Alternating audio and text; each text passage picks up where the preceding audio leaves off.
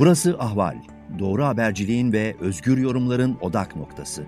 Podcast yayınımıza hoş geldiniz. Merhabalar, sıcak takipteyiz ve konuğum e, değerli akademisyen e, Profesör Hamit Bozarslan Paris'ten katılıyor bu yayına. Merhabalar Hamit. Merhabalar. Profesör Bozarslan, e, izleyicilerimiz için tekrarlamış olalım. Sosyal Etüdler Yüksek Okulu öğretim üyesi ve tarih, ekonomi, siyasal e, bilimler pek çok dalda özellikle de Türkiye üzerine odaklanmış durumda. Hamit tekrar hoş geldin diyeyim. Aslında biz e, seninle epey kaç ay oldu, aylar öncesinden e, yani bu kartel devlet e, bir anlamda organize suç örgütleriyle e, siyasi kimlik altında veyahut o kimlik altında olmasa da bu yapılarla devlet ilişkilerini Türkiye özeli üzerinden uzun bir zamandır konuşuyoruz ve e, bu ortaya atmış olduğun e, kartel devlet tanımlaması e, çok net bir şekilde gelişmelerin içerisine oturdu. Belli bir çerçeve içine almış oldu daha doğrusu Türkiye'deki gelişmeleri. E, pek çok sohbetimize konu oldu bu ve işte gelindi ve en sonunda e, bugünlerin e, ortasına damgasını vuran Sedat Peker videoları, Mehmet Ağar e, işte ve e, Mehmet Ağar'ın oğlu Tolga Ağar, e, Yalıkavak Marinası, Yalıkavak Marinası'nda çekilmiş olan o dörtlü fotoğraf içinde işte Engin Alan var, Alaaddin Çakıcı var, kısmi afla serbest bırakılmış olan Devlet Bahçeli'ye yakın e, organize suç örgütü e, lideri mahkum oldu çünkü kendisi bundan. Bütün bunların hepsi bir fotoğraf ortaya koydu, büyük bir fotoğraf ortaya koydu ve peş peşe geliyor şimdi bu videolar, Sedat Peker'in videoları. İçine ayrıntılarına girmeye gerek yok bu sohbette çünkü biz e, zaten bunları e, uzun zamandır haberleştiriyoruz. E, medyanın önemli bir kısmı bunları otosansürlüyor, yani yayınlamıyor. Üzerinde durmaya e, cesaret yok. Şimdi e, senin değerlendirmelerin önemli. Kaldığımız yerden devam edelim diyeceğim. Çünkü öngörüler üzerine e, kurulu bir sohbetti bu e, seninle kurduğumuz ve bu noktaya gelindi. Şimdi bugünkü haliyle nasıl okumamız gerekiyor bu gelişmeleri? Evet, e, daha önceki konuşmalarda da bunu ele almıştık. Yani susurluk meselesinin e, tümüyle e, e, hasır altı edilmesi Türkiye açısından çok büyük bir trajediydi. E, bu biraz susurluğun devamı. E, daha önceki konuşmalarımızda kartel devlet üzerine durmuştuk. E, şu anda sanıyorum kartel her iki anlamda da kullanılabilir bir kavram haline geldi. Hangi iki anlamda? E, sosyoloji yani siyaset sosyoloji açısından e, ele aldığım kartel daha çok bir de bir devlet yapısı ya da bir rejim yapısıydı. E, rejimin e, değişik bileşenlerden kompratör bir burjuvaziyi de içeren, kleptokrasiyi de içeren e, değişik bileşenlerden oluşan bir blok halinde oluşmasıydı. Fakat şu anda anlaşılıyor, anlaşılıyor ki bu kartel meselesi aynı zamanda bir uyuşturucu kartel, bir Latin Amerika'da anladığımız şekilde de bir kartel söz konusu ve bunlar birbirlerinin içine geçmiş, geçmiş durumdalar. Ee, sanıyorum şu olup bitenler e, rejimin kenarında kıyısında olan bir olgu değil. Toplumun kenarında kıyısında olan bir olgu değil tam anlamıyla rejimi belirleyen, rejimin özünü oluşturan bir olgu. Bu ikili kartelleşme yani hem devletin rejimin değişik bileşenlerden oluşması, kendi aralarında bazen kanlı bıçaklı olan değişik bileşenlerden oluşması fakat aynı zamanda bunun e, bir yasa dışı ekonomiyle eklemlenmesi, bir mafya yapısıyla eklenmesi, e, eklemlenmesi rejimi tam da oluşturan bir olgu. Bu olgu Susurluk döneminde de görülmekteydi. Susurluk döneminde e, sanıyorum e, uyuşturucudan, uyuşturucudan Türkiye'ye gelen para neredeyse 40 milyar dolar civarındaydı. E, susurluğu unutmayalım çünkü susurluk tatlı hafızaların e, ama kanlı bıçaklı kavgaların e, yaşandığı bir andı. Ve şu anda yaşanan yine aynı bir olgu. Son derece tat, tatlı haf, e, hatıralar var. Bugün birbirlerini öldürmeye çalışanlar arasında e, bunlar aynı ailenin çocukları aynı mafya yapısının çocukları fakat şu anda neredeyse bir uzun e, bıçaklar gecesi yaşanmakta nasıl ki Almanya'da 1934'te böyle bir gece yaşandı. Yani böyle bir durum söz konusu. Uzun bıçaklar aynı zamanda bir Azerbaycan-Kıbrıs bağlantısı vardı. Hmm. Ve şu anda görüldüğü kadarıyla bu Azerbaycan ve özellikle de özellikle de Azerbaycan e, bağlantısı çökmemiş durumda. Tam aksine e, söz konusu edilen söz konusu olan Marina'nın bir Azerbaycan bağlantısı olduğu anlaşılmakta. E, yani o açıdan sanıyorum şu anda olup bitenler hem bir sürecin de bir devamı hem de iktidarın yeniden nasıl bir mafya yapısı çerçevesinde yeniden oluşturulduğunu göstermekte. E, aradaki bir fark var belki susurlukla. O da şu, susurluk toplumda çok ciddi bir tepkiye yol açmıştı. E, genç e, dinleyiciler bilmez. E, fakat yani bir e, ebedi bir aydınlık için bir bir de, bir dakikalık karanlık operasyonu başlatılmıştı. Saat tam 9'da e, ışıklar kapatılmaktaydı ebedi bir aydınlık için. Şu anda görebildiğim kadarıyla en azından şimdilik toplumda ciddi bir duyarlılık yok. Herkes ne olup bittiğini farkında. E, fakat e, toplumda artık her şeye alışılmışlık olgusu var. Biraz sersemleştirilmiş bir toplumda karşı karşıyayız. AKP çok uzun bir süre boyunca toplumu krizlerle yönetmeye çalıştı. Şu anda o kriz krizlerle yönetme rejiminden çıkıp toplumun reayalaştırılması sürecine girmekteyiz. Ve reaya tamamıyla bir sürü reayanın kalkıp ne olup bittiğini sorma hakkı yok. Bu Osmanlı geleneğinde son derece açık bir şekilde e, belirlenmişti.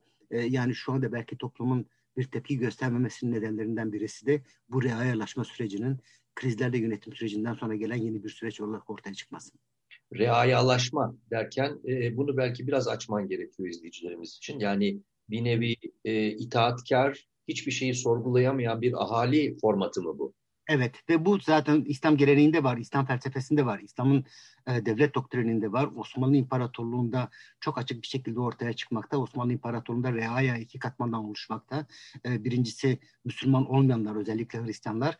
E, fakat ikincisi e, askeri sınıfa dahil olmayanların tüm reaya olarak görülmekte. Ve Osmanlı İmparatorluğu'nda askeri sınıf sadece askerleri, yeniçerileri, sipahileri içeren bir sınıf değil, aynı zamanda ulemayı da içeren bir sınıf. E, bu askeri sınıfın dışındakiler reaya ve bu reayaların yönetilme e, e, hakkı var. E, fakat yönetme hakkı yok. Yönetenlerin niye yönetemediklerini sorma hakkı yok. E, ve o yüzden reayanın statüsü bir e, e, vatandaşlık statüsü değil vatandaşlıktan tümüyle çıkarılmış, dışlanmış olan bir e, katmandan söz konu e, katmandan bahsediyoruz. Gerçekten bir sürüden bahsediyoruz e, ve sanıyorum yani şu anda AKP'nin en fazla dilediği şey e, halkın artık kalkıp hiçbir şey sormaması, tam rea, reaya statüsünü kabullenmesi ve bu reayalıktan yola çıkarak itaat bir e, itaat eden bir katman haline gelmesi. Bunda başarılı olabilir mi sence bu, bu koşullarda? Ee, onu tabii bilebilmek çok zor. O biraz toplumsal mücadelelere bağlı olacak. O sizin gibi medya alan e, medya organlarına bağlı olacak. Bu medyaların e, sadece e, diyelim dar bir kitleye hitap etmemesi fakat aynı zamanda çok daha geniş bir kitleye hitap etmesi e, e, söz konusu olan aynı zamanda gerçek gibi bir olgunluğu olduğunu, hakikat gibi bir olgunluğu olduğunu dile getirilmesi, direniş mekanizmalarının çoğaltılması, anlam üretme mekanizmalarının çoğaltılmasına bağlı. E, yani bu kesinlikle yarın bu toplum yine itaatkar bir toplum olacak anlamına gelmemekte. Fakat görebildiğimiz kadarıyla en azından 96 susurluk olayıyla karşılaştırdığımız zaman şu anda e, doğan tepkiler son derece sınırlı. Evet. Susurluk dönemiyle bir kıyaslamayı Profesör Baskın Oran da yapmıştı son sohbetlerimizden bir tanesinde. Ee, bazı farklılıklar olduğunu o da e, vurguladı. Onun için yani onun merceğine dikkat daha çok dikkatini çeken şey o dönemde en azından bir e, yargı içerisinden bir tepki gelmişti. Hatta müesses nizam içerisinden de bir tepki gelmişti. İstifalar olmuştu. E, bir takım sonuçlar doğurmuştu diyor. İşte nitekim e, şimdiki evet. Sedat Peker videolarının baş aktörlerinden biri olan Mehmet Ağar o zaman İçişleri Bakanı'ydı. İstifa etmek zorunda kalmıştı. Yerinde Meral Akşener evet. şimdi yine iyi Parti liderlerinden ama o zaman tabii yargı vurgusu önemli. Şimdi susurlukla... E, yargı olgusu vardı. Sanıyorum tabii basın çok daha e, farklılaşmış bir basındı. E, yani şu anda e, basılı basının %95'i nerede, neredeyse AKP tarafından kontrol edilmekte. E, televizyonların çok önemli bir kısmı e, iktidar tarafından kontrol edilmekte. E, bu birinci olgu. İkincisi her şeye rağmen tutukluk döneminde mecliste bir e, komisyon topla, e, e, hazırlanmıştı ve bu komisyon gerçekten ciddi bir çalışma yapabilmişti. E, şu anda tabii o koşullardan çok çok daha uzaktayız. Ve burada tabii bir e, önemli bir paradoks yaşanmakta. Çünkü olup bitenler susurluğun organik bir devamı, aktörlerin kendileri de organik bir şekilde Sur'la katılmış olan aktörler olarak ortaya çıkmakta. Ağır olsun, çakıcı olsun e, bunlar bilinmeyen kişiler değil. Fakat aynı zamanda dediğim gibi yani toplumsal e, toplumsal muhalefet şu anda ya da toplumsal e, e, direniş tepkiler direniş bile değil fakat tepki. Hmm. Yani artık bu bu kadar da olamaz diyen bir toplum söz konusu değil. En azından şimdilik dediğim gibi. Halbuki 96'da yani susurluk olayı çok ciddi bir tepki yaratmıştı.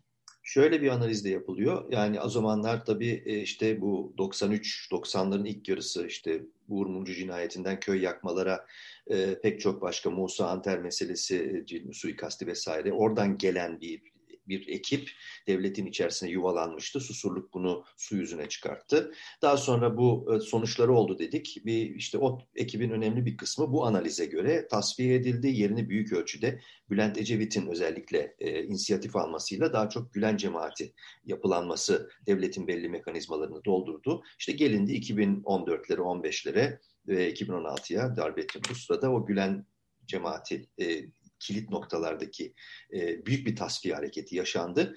Yine bunu analize göre o eski ekip ikame edildi. Yeniden geri geldi. Şimdi farka baktığımızda sence e, 1996'ların susurluk dönemine kıyasla bu geri dönmüş olan ekip, bu analiz eğer doğruysa, geri dönmüş olan ekip devlete çok daha fazla mı hakim? Yani fark dediğimizde e, bugün daha fazla e, organize suçla, organize işlerle, mafyayla daha da iç içe geçmiş, daha da bütünleşmiş bir devlet yapısından mı söz etmek mümkün? Yoksa evet, sanıyorum ondan söz edebilmek mümkün çünkü e, 90'larda paramiliterleşme süreci bu kadar hızlanmamıştı. E, her şeye rağmen ordu diye bir olgu vardı. E, hukuktan bahsettim, yargıdan bahsettim. Yargının kısmen bağımsız olması olgusu vardı. E, yani şu anda sanıyorum paramiliterleşme süreci çok daha hızlanmış bir süreç pöhlerin oluşturulması, cöhlerin oluşturulması, pöhlerin oluşturulması, e, Suriye'deki cihadi hareketle e, bir, bir birleşme olgusu, e, bütün bunlar tabii çok ciddi e, e, silaha ve şiddete ulaşabilme, zora ulaşabilme imkanlarını sağlayabilmekte. E, 90'larda unutmayalım e, uyuşturucu helikopterlerle, ordunun helikopterleriyle e, taşınıyordu. Sanıyorum yani şu anda varlanan nokta çok daha ötede bir nokta. İkincisi sanıyorum 90'lardaki savaş işteki savaş, iş savaştı. PKK ile bir savaştı. Köy yakmaları, e, Kürt entelektüellerin öldürülmesi vesaire. E, bugün tabii savaş sahası çok daha genişlemiş durumda. E, Karabağ söz konusu, Libya söz konusu ve tabii doğrudan bir şekilde Suriye söz konusu. Yani sanıyorum o paramiliterleşme sürecinin son derece hızlandırılmış olması bugün e, ortaya bariz bir şekilde ortaya çıkmakta. Bu 90'larda sanıyorum e, bu, bu yani paralel militerleşme vardı her şeye rağmen fakat büyük bir ihtimalle bu noktaya varamamıştı. Peki e, tonlarca uyuşturucudan söz ediliyor Sedat Peker'in e, videolarında e, ve bunların bir adresi olduğu da isim verilerek belirtiliyor. E, yine 90'lardaki o e, uyuşturucu ve finansman e, denklemine, korelasyonuna bakarak bu kez de yine bu e, Türkiye bir kısmının girmiş olabileceği düşünülen bu yüksek miktardaki uyuşturucu ile e, bu sınır ötesi operasyonlar, askeri operasyonların en azından bir kısmının finanse edilmesini düşünmemiz gerekir mi? E, oraya kadar gidemeyeceğim çünkü muhakkak bir komisyon gerekli e, bunların araştırılması için. E, fakat e, 90'larda olan şuydu, güvenlik rantından besleyenler ve uyuşturucu rantından besleyenler, beslenenler aynıydı. E, Çatlı gibi birisini ele alırsanız, jandarmadaki CİTEM'i e, ele alırsanız e, bunlar her iki kaynaktan, her iki ranttan aynı şekilde beslenmekteydi. Aynı kanaldan beslenmekteydi. Ve bana öyle geliyor ki şu anda da hem bir güvenlik rantı var çünkü yani onu Erdoğan'ın kendisi de e, birkaç kez dile getirdi. Sizin çalışmalarınız da onu gösteriyor. E, yani bütçenin önemli bir kısmının e, askerileştirilmesi e, bu milyarlara e, varan bir rant yaratmakta ve uyuşturucu her halükarda milyarlara varan bir rant oluşturmakta.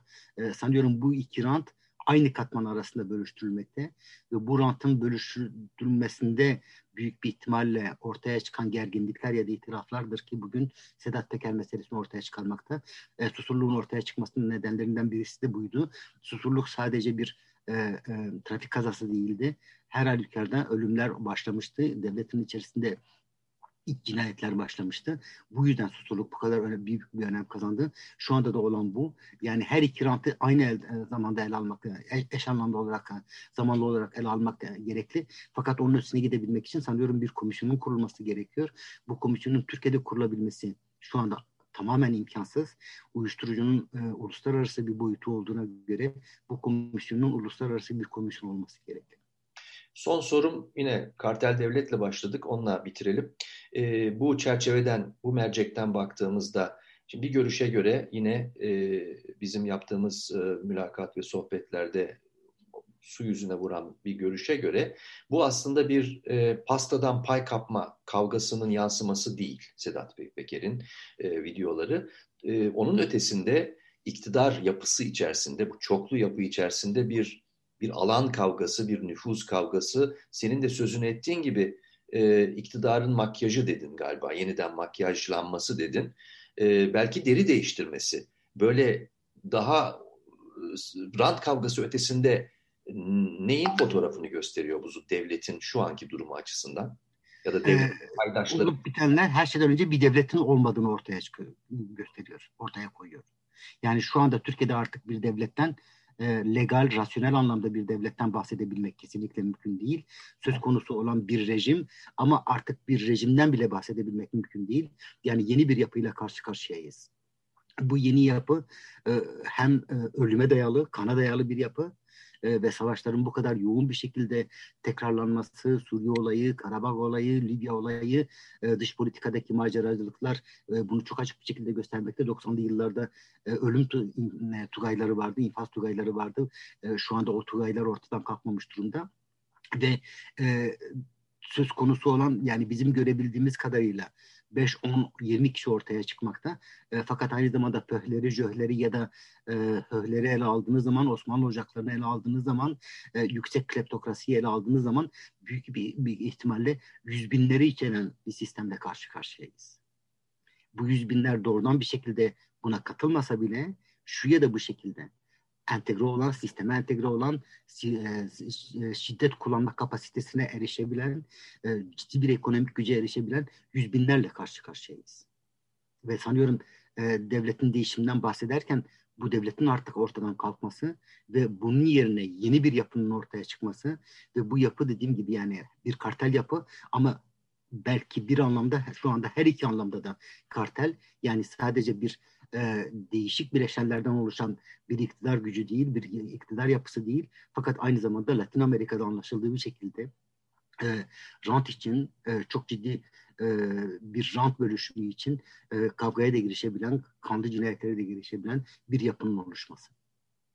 Profesör Hamit Bozarslan, Sosyal Etütler Yüksekokulu öğretim üyesi Paris'ten bu sohbete katıldı ve Sedat Peker videoları üzerinden patlak veren tartışmaları ve bunun Türkiye'deki e, idari sisteme, siyasal sisteme olan e, yansımalarını ve bunun ortaya koyduğu fotoğrafı birlikte konuştuk. Çok teşekkürler Hamit bu sohbet için. Rica ederim. Ahval podcastlerini tüm mobil telefonlarda Spotify, SoundCloud ve Spreaker üzerinden dinleyebilirsiniz. Apple iPhone kullanıcıları bize iTunes üzerinden de ulaşabilir. Türkiye'nin ve hayatın cıvıl cıvıl sesleri Ahval Podcast dizisinde. Kulağınız bizde olsun.